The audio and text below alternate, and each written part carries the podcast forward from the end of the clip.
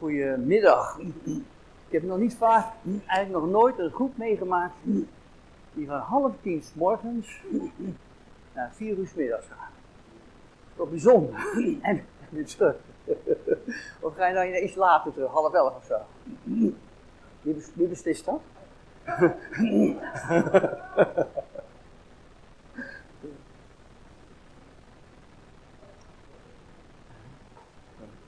Fijn om hier te zijn.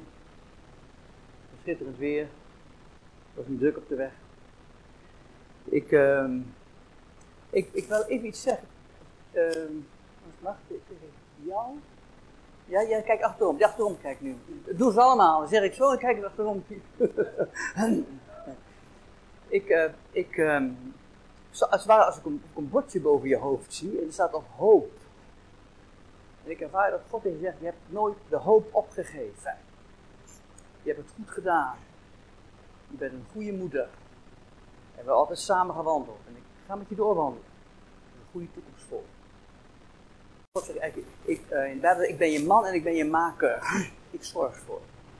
Oké? Was goed? Knap je dan op, hè?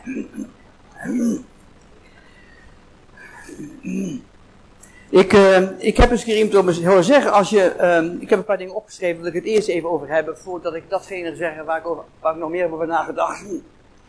Ehm, ja, het is zo, soms heb je een boodschap voor een groep, en dat is ook zo, maar er zijn van dingen die zijn dingen universeel, dat lijkt wel of God die in het, ehm, in het lichaam werpt, om het zo maar te zeggen. Ik heb eens een keer iemand eh, iets, iets nieuws horen zeggen, althans in mijn eh, oren nieuw. Want je weet al, zon de zon. In het, hele eh, profetische gebeuren vinden wij het geweldig om altijd te zeggen van God doet iets nieuws. Ja, er is dus geen nieuws om de zon. Dus in die zin doet God niks nieuws. Maar het kan wel nieuw zijn voor jou en mij. En dan, dan noem je dat openbaring. En dat hebben we allemaal wel eens een keer gehad, denk ik, dat we denken dat we iets nieuws horen, of een openbaring hebben, of ergens van opknappen, geestelijk weer eh, eh, een sprongetje maken als het ware. En dan blijkt dat die gedachte er al lang is. Als je gaat googlen, dan hebben er al zoveel mensen over nagedacht, over hetzelfde punt, en die zijn vaak nog veel verder als jij wanneer denken, en dan kun je daar weer mee verder. En die persoon zei tegen mij, ik zeg, goh, hoe kom je daar nou aan? Dus nou zei hij, eh, ik, denk, ik denk dat ik de, ja, ik denk de enige ben. Dan word ik altijd een beetje benauwd.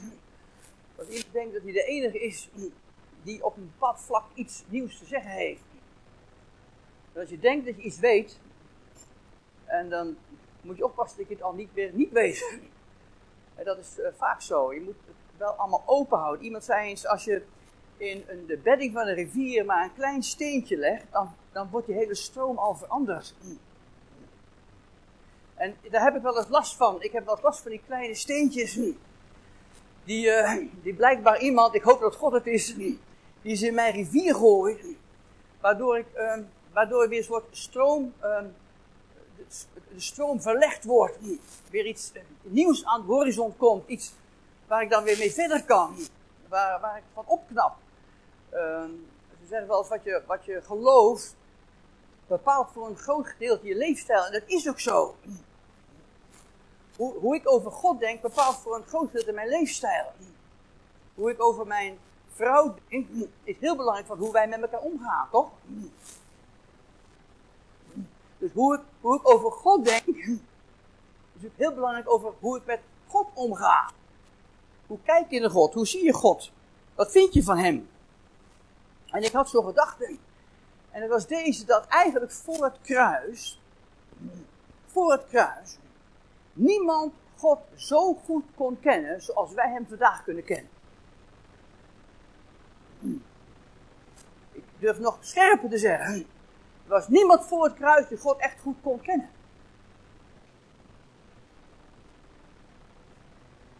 Want Jezus zegt, wie mij heeft gezien, heeft de Vader gezien.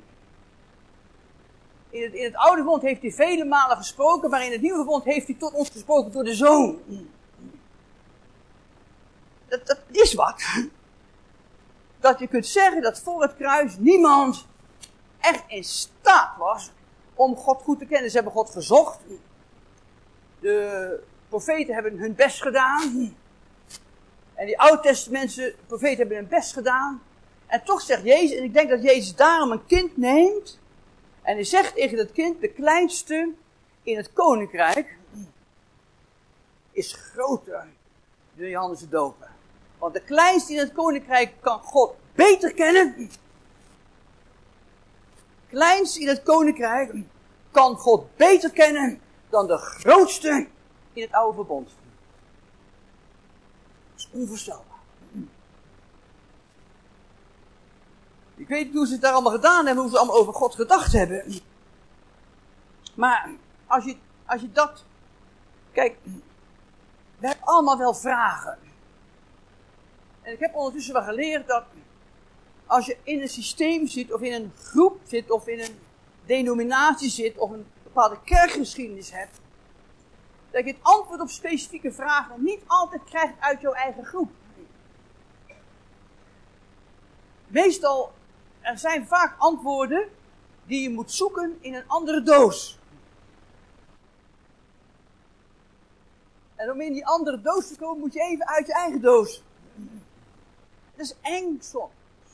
Soms eng. Maar ik, ik zou willen dat iedereen dat durfde.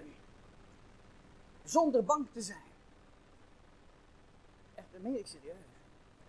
Kijk, ik heb het hier wel eens meer gezegd. Ik geloof in de maagdelijke geboorte van Jezus. Er zijn, er zijn principes. Ik geloof in het kruis, in opstanding.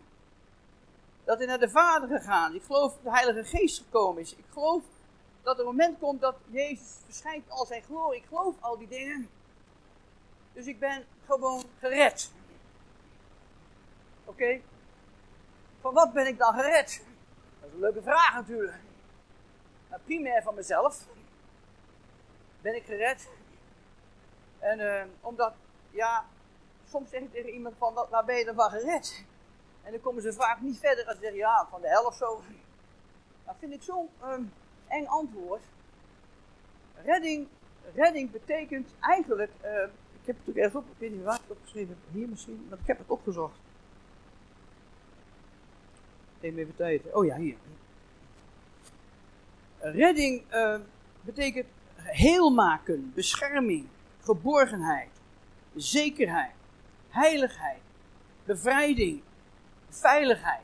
Eigenlijk zeg je, als je gered bent, kun je alle voordelen van het koninkrijk God kun je op jezelf toepassen, kun je toe-eigenen als je gered bent.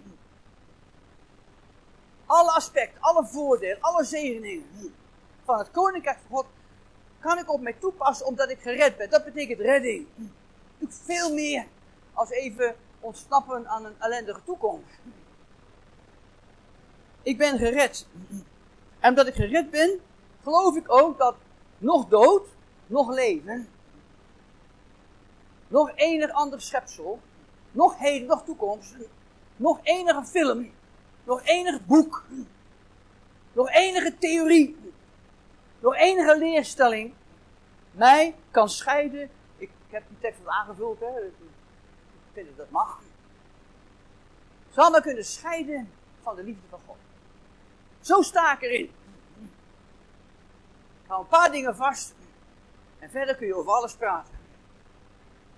Weet je, dat, is, dat, is, dat creëert ruimte. Niet alleen voor jezelf. Maar het ook creëert ruimte ook voor anderen. Ik, heb een, ik ken een voorganger met een goede vriend mee. En zei tegen mij, Wolf zei hij, ik ga je iets zeggen. Dat heb ik nog nooit tegen iemand verteld. Nou, dat, dat, dat vind ik dan fijn dat mensen me dan vertrouwen. Want ik kan mijn mond houden. Ik heb er nog steeds niet over gepraat, want ik mocht tegen niemand zeggen van hem. Zal zijn naam ook nooit noemen. Hij zei, Dolf, zei, niemand weet het. Want als het weten, dan kom ik nergens meer in. Hij zei, ik geloof in de alverzoening. Dus hij gelooft dat uiteindelijk iedereen gered wordt. Dat, dat gelooft hij. Dat is een leerstelling, hè? Alverzoening.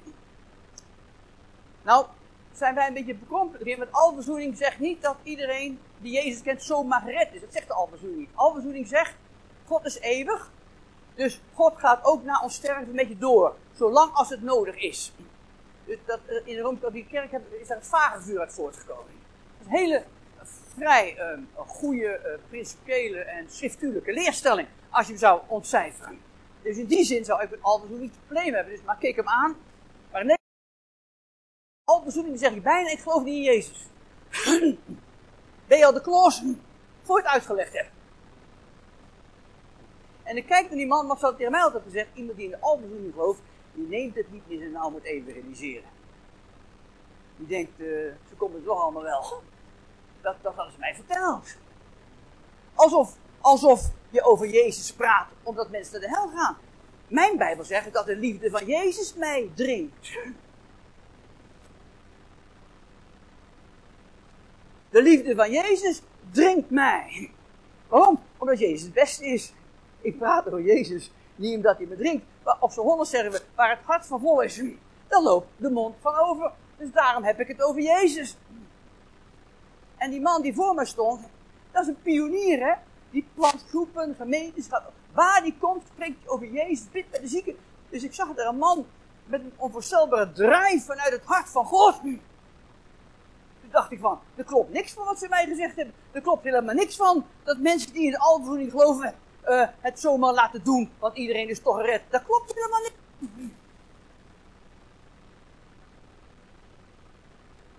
En op een of andere manier vond die man ruimte om het tegen me te zeggen. En ik ben blij dat hij tegen me gezegd heeft, want ik hou mijn mond dicht. En misschien weten nu mensen het wel, heb je er zelf over gepraat, want het wordt allemaal misschien sommige makkelijker in Nederland, maar niet veel punten, maar een paar punten misschien. En, maar, maar die, die ruimte die, die, niet vernacheld wordt, ook niet tussen zes planken wordt getimmerd, als je eens een keer wat anders zegt, als mensen gewend zijn om te horen. En soms moet je voor bepaalde antwoorden even naar een andere box. Moet je even durven googelen. En moet je even mee durven gaan in die stroom van die andere denktrand. Als je Jezus maar vasthoudt. Kruis en de opstanding. De Bijbel zegt niet met zijn mond beleid en met zijn hart geloof dat Jezus uit de doden is op, dat Jezus leeft, die is gered. Hallo, er is niet zo gek veel voor nodig. Ruimte. Ruimte. Eens je over dingen anders denken. Er wordt veel gediscussieerd, ook vandaag. Kijk op Facebook over de toekomst, eschatologie, toekomstleer. Gaat het nou beter gaat het nou slechter? En mensen bekogelen elkaar met stenen schelden elkaar uit voor dwaalleraar. Mijn moeder zei altijd al, iedere ketter heeft zijn letter. Ik wil graag anders durven denken. Ik, ik moet anders durven denken. Als je, ik, ik kreeg bezoek van een echtpaar uit Nederland. Die man heeft theologie gestudeerd, heeft op een behoorlijke eh, bona fide bijbelopleiding uh, gezeten. En die zijn eigenlijk um, we denken niet meer over Jezus zoals ik over Jezus denk. Niet meer in de zin van maagd geboren, niet meer in de zin van de Zoon van God. Maar ze zijn door heel proces heen gegaan waardoor ze anders zijn gaan denken.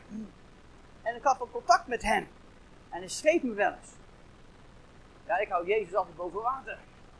Als, dat, dat, als ik dat niet meer heb, dan is het klaar. Dan ga ik, uh, ja, dan koop ik een boot, ga ik weg of zo. Maar die, uh, op een gegeven moment had, had, ging, kwam hij een Vlissingen met zijn vrouw. Hè, hebben afgesproken op de boulevard. Hebben met elkaar zitten, koffie gedronken, met elkaar gepraat.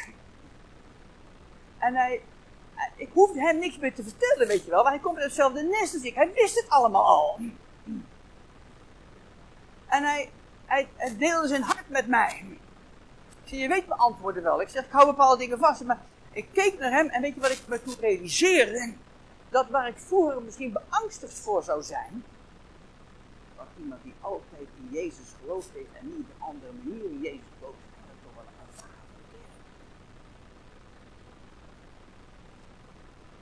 We hebben het hier al, als, als iemand met conflict uit de gemeente gaat, heb je al een soort uh, excommunicatie. Dan wordt er niet meer gecommuniceerd uit de kerk. Dat betekent vaak Jezus, bij Jezus weggaan. Zo denken mensen vaak.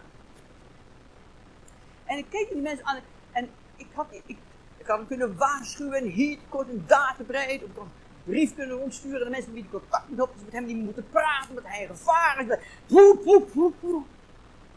En ik keek naar hem. En, en, ik, ja, ik had nog niet goed over uit wat er gebeurde, maar ik ervoerde God zo ontzettend veel. Oh. Je zou bijna zeggen, God hoe fijn. God kan daarvan houden. God kan houden van mensen die vertrekken. Mensen die helemaal verkeerd denken. God, kan, God blijft daar toch van houden. Hij blijft erachteraan rennen. Wij zijn vaak zo bang en zo veroordelen. Maar ik zeg het nog een keer. Niets kan mij scheiden van de liefde van Jezus. Niets, niets, niets. Koninkrijk van God. Gaat het vooruit of achteruit? Moet Jezus komen om een ondergaande kerk te redden? Of gaan we vooruit in het koninkrijk van God? Daar zijn we bang voor. Weet niet of ik hier wel eens gezegd heb dat ik op een kamertje boven zat. En dat ik ervoer dat God tegen me zei van. En misschien heb ik het wel gezegd, maar ik het even herhalen. Dat God tegen mij zei, dat voel ik in mijn hart. Dolf, als je weinig tijd hebt, heb je opwekkingen nodig. Heb ik die gezegd? Ja? Als je wat meer tijd hebt, is een reformatie beter. Ja, ik kan dat zo niet zelf verzinnen. En ik heb toen ontdekt, ik sprak met een socioloog, de kent het verhaal, die zei tegen mij dat in de kerkgeschiedenis dat er iedere 500 jaar een reformatie is in de kerkgeschiedenis. Iedere 500 jaar. Afhankelijk van de tijd van die reformatie, wanneer, is het ook, heeft ook effect op de maatschappij. De laatste, zei die, die we gehad hebben, was in 1517 van Maarten Luther. Die een geweldige vlucht nam vanwege de boekdrukkunst in die tijd. En, ik, en dus, dus, ja, ik profiteer dat niet door. Ik maak, ik maak me niet meer blij met een dode mus. Maar ik geloof het wel, laat ik het dan zo zeggen profiteren niet, maar geloof het wel. Als, als de geschiedenis zich herhaalt, staan we aan de rand van een nieuwe reformatie. 500 jaar later uh, zitten we nu bijna. En wat mij betreft zijn, zijn alle ingrediënten van reformatie in het wereldbestel wel aanwezig. Economisch vlak, sociaal vlak, uh, de complete volksverhuizingen. Er is van alles aan de hand. En sommige mensen knijpen hem als een oude dief. Niks zeg, als er ooit een tijd is geweest waarin het koninkrijk van God zich kon manifesteren, is vandaag. En men praat in de kerk, men discussieert over het koninkrijk vooruit en achteruit, over alpenzoening, of, of, of ophouden te bestaan, of, of over, uh, over hel of geen hel. Er, er, is een, er is, ik heb het jaren geleden al gezegd, er komt de dag dat een heleboel van onze theologie helemaal op zijn kop gaat. En ik vind het zo fijn. Maar zou Jezus overeind. Jezus, zijn kruisdood en de kracht van zijn opstanding. En als ik dat overeind hou, mag ik van God heel veel denken. En is God daar niet bang voor. En is Jezus echt de goede herder. Die voor zijn schapen zorgt. En ik wil je daarmee bemoedigen. Wees niet bang. Wees niet eng van denken. Vertrouw op God. Er zijn bij God geen muren. Jacobus 1 vers 17. Jacobus 1 vers 17 staat, ik heb een tekst doen. Er staat, uh, elke goede gave, elke volmaakte gave, komt van God, van de Vader der lichten, bij wie geen verandering is nog zweem van ommekeer. Vind het zo'n mooie zin. Nog zweem van ommekeer. Elke goede gave, elke perfecte gave komt van God. Ik heb erover nagedacht. Dat is weer zo'n steentje in de bedding. Want wat staat er nou? Elke goede gave, ik heb het opgezocht, betekent elke bruikbare gave. Elke plezierige gave. Elke vreugdevolle gave. Elke uitstekende gave. Elke eerlijke gave. Elke betrouwbare gave. allemaal zijn allemaal vertalingen van het woord goed, komt van God. En er staat bij volmaakte gaven, er staat inderdaad perfect, staat uh, waardevol, vol van integriteit, volwassen en volledig gegroeid. Al, alle goede gaven komen van God. Weet je wat dat betekent? God gebruikt mensen toch? Primaire bemoeienis van God met de wereld is door ons, hè? Er loopt niet eens een politieman ergens over de wereld heen of overal te kijken wat er aan de hand is. Nee, wij, wij, wij zijn zijn handen en wij zijn zijn voeten. God houdt van mensen. Ik heb het hier zo vaak gezegd. God houdt van mensen. God houdt zelfs van christenen. Ik heb het zo vaak. Blijf het zeggen. Maar het is zo. Dus het betekent als, als ik straks, en het gaat om, om goede liefdevolle gaven, hè, zonder bijbedoeling en zo, maar die heb je ook hoor, mensen die altijd doen een liefdevol uit bijbedoeling. Nee, oprechte gaven. Ik geloof als er een oprechte manifestatie van liefde is, komt dat uit het hart van God. Dat geloof ik echt. Dat betekent, dat betekent als ik iets nodig heb, of als iemand vanuit een hart van liefde iets aan mij geeft, dat ik dat van God krijg. En weet je wat nou de tweede sprong is? Want dat is een steentje in die bedding. En dat, betekent voor mij dat of dat nou van een hindoe komt, of van een moslim komt, of van een boeddhist komt,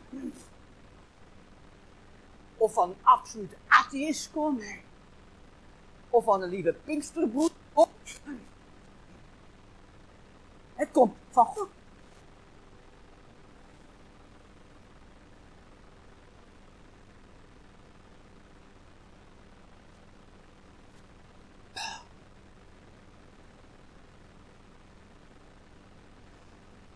waar, waar, waar liefde zich manifesteert, daar is God aan de gang.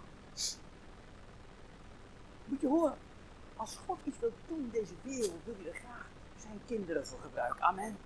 Of het nou op sociaal vlak is, politiek vlak, in de kunstwereld, in de filmwereld. Hij wil, hij wil zijn kinderen gebruiken. Dat wil God. Als God iets wil veranderen in de wereld, dan gebruikt hij mensen. Maar moet je goed horen, als God iets heel specifieks wil veranderen in de wereld, wat wij belangrijk is, wil niet zeggen dat hij daar alleen christenen voor gebruikt. Pardon, een beetje ruimte graag.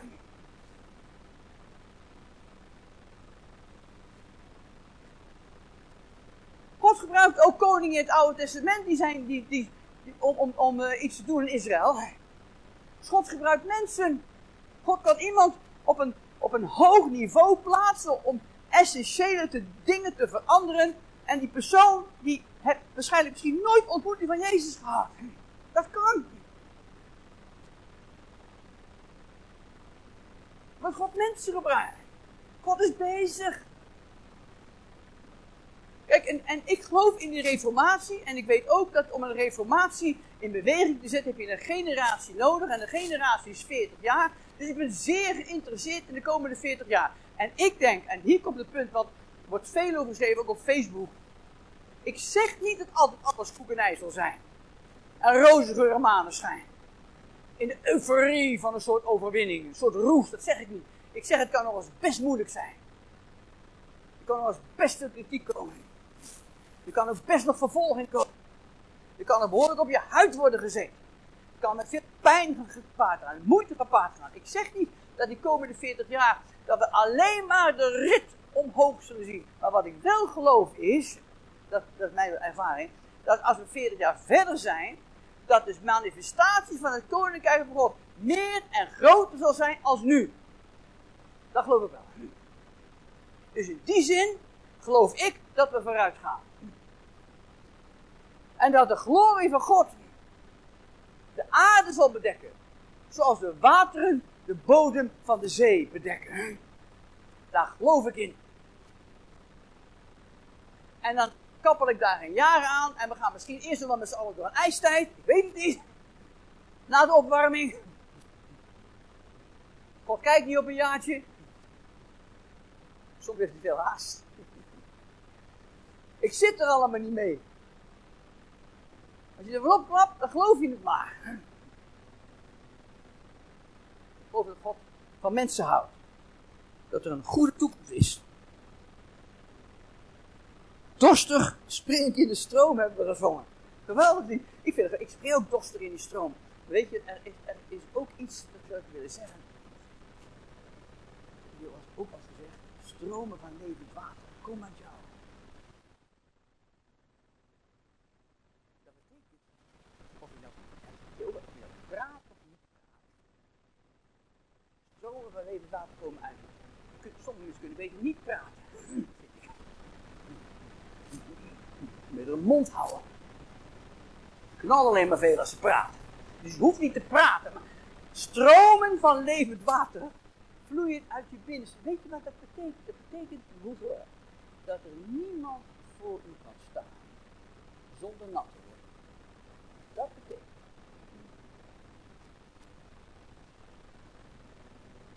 Nou, praten, dat is het effect van de kracht en de werking van de geest door jou heen de andere mensen. Niemand kan er voor jou staan zonder nat worden. Hoef je niet eens wat te zeggen, is niet geweldig? En weet je wat ik dan vind, hè? Dat, dat het dus fijn is om in die stroom te springen. En dat moeten we ook. Het is fijn om met elkaar in die stroom te springen. Maar lieve mensen, wij zijn die stroom. Dus laat er ook eens iemand anders in jou springen. Weet je hoe dat heet? Dat heet, dat heet volwassenheid. Zo heet dat heet volwassenheid. Het is geweldig om, om, om die open vensters te ervaren. Maar ja, het is ook geweldig om zelf een venster te zijn. Dat je echt God boven een venster openzet. Jij bent het Jij bent het venster. Jij bent het venster. Jij bent de deur. Jij bent de stroom. Jij bent die explosie van liefde. Jij bent die omarming. Jij bent die gever van genade. We zijn het lichaam van Jezus. Zo was hij. Zo is God met ons bezig. Ik heb een geweldige God. Mijn God, weet je op wie, op wie, mijn God lijkt? Mijn God lijkt op Jezus. Moet je over nadenken. Als jouw God op Jezus lijkt, dan dat roept gelijk talloze vragen. Talloze. Want als mijn God op Jezus lijkt, dan zie ik wel wat manifestatie van de God van het Oude Testament, dat niet echt op Jezus lijkt. Toch? Zit ik daarmee? Nee. Kan ik daar wat mee? Niet altijd. Je zal er mij ook niet veel meer over horen praten. Mijn God lijkt op Jezus. En dan moet je, daar nog, moet je nog oppassen, hè? Als je mijn God lijkt op Jezus. Stop zo. Ik kom met een ander onderwerp niet meer toe, kom volgende keer af. Dat moet je nog op als je mijn God lijkt op Jezus. Want er is ook veel rondom Jezus geromantiseerd. In al die films en zo. Dus waarin lijkt hij dan op Jezus? Hij lijkt op Jezus, niet mensen. Weet je waar? In die explosie aan het kruis. Explosie van liefde het kruis.